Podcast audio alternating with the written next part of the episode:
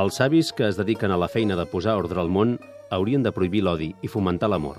Els ensenyaments de Mosi pretenien rivalitzar amb els de Confuci, d'aquí al principi se'n va declarar deixeble. De fet, el muisme va desplaçar el confucionisme durant dos segles com a principal corrent de pensament a la Xina, fins que la dinastia Han, al segle III abans de Crist, va restablir les doctrines de Confuci com les oficials. Mosi va ser un estudiós que durant un temps va ocupar càrrecs públics, que vivia de forma austera i a qui se li suposa formació militar i origen de família artesana.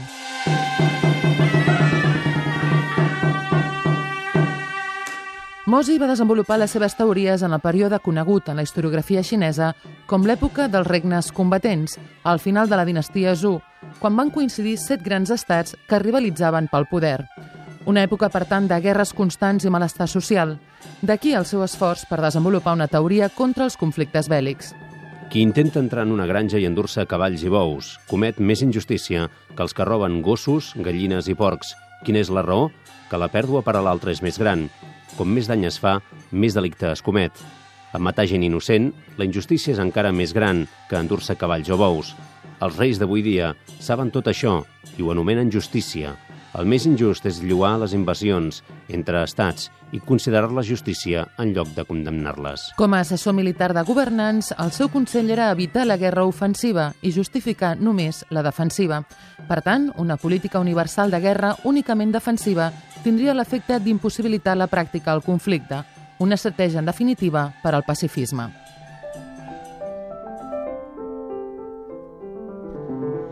Tant Confuci com Mosi buscaven tots dos la pau i el benestar, però Mosi volia establir normes permanents, al marge d'opinions, de canvis de dinastia o de modes.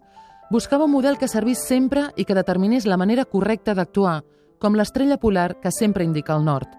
I aquest model absolut es basava en tres conceptes, l'amor mutu, la fraternitat entre els homes i el benefici social. Avui dia, si els oficials i cavallers de tot el món desitgen realment la riquesa i odien la pobresa al món, si rebutgen el desordre, han de prendre com a font de dret a la fraternitat i l'intercanvi de beneficis. Aquests van ser els mètodes dels reis savis i és la forma dient d'ordre que cal perseguir.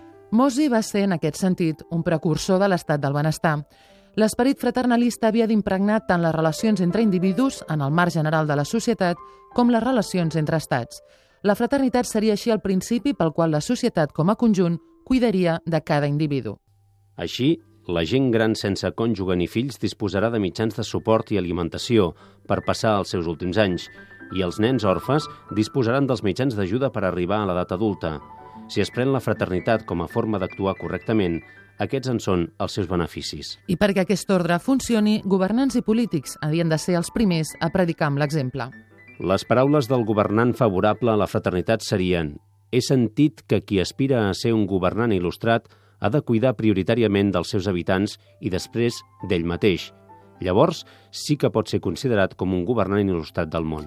Després de segles en l'oblit, el dramaturg alemany Bertolt Brecht va rescatar les ensenyances de Mosi i les va reintroduir a Europa. Eren els anys 30 del segle XX, quan Europa afrontava una cruïlla històrica de col·lisió entre el capitalisme, el feixisme i el comunisme. Acusat d'utopi ingenu, el pensament de Mosi és un atac als buròcrates deshonestos, als efectes destructius de la guerra i a pràctiques estatals injustes, a més d'una reivindicació de valors aparentment senzills com el bé comú. 25 segles després i en un context de crisi i desintegració de velles estructures, les màximes de Mosi ressonen amb força. Música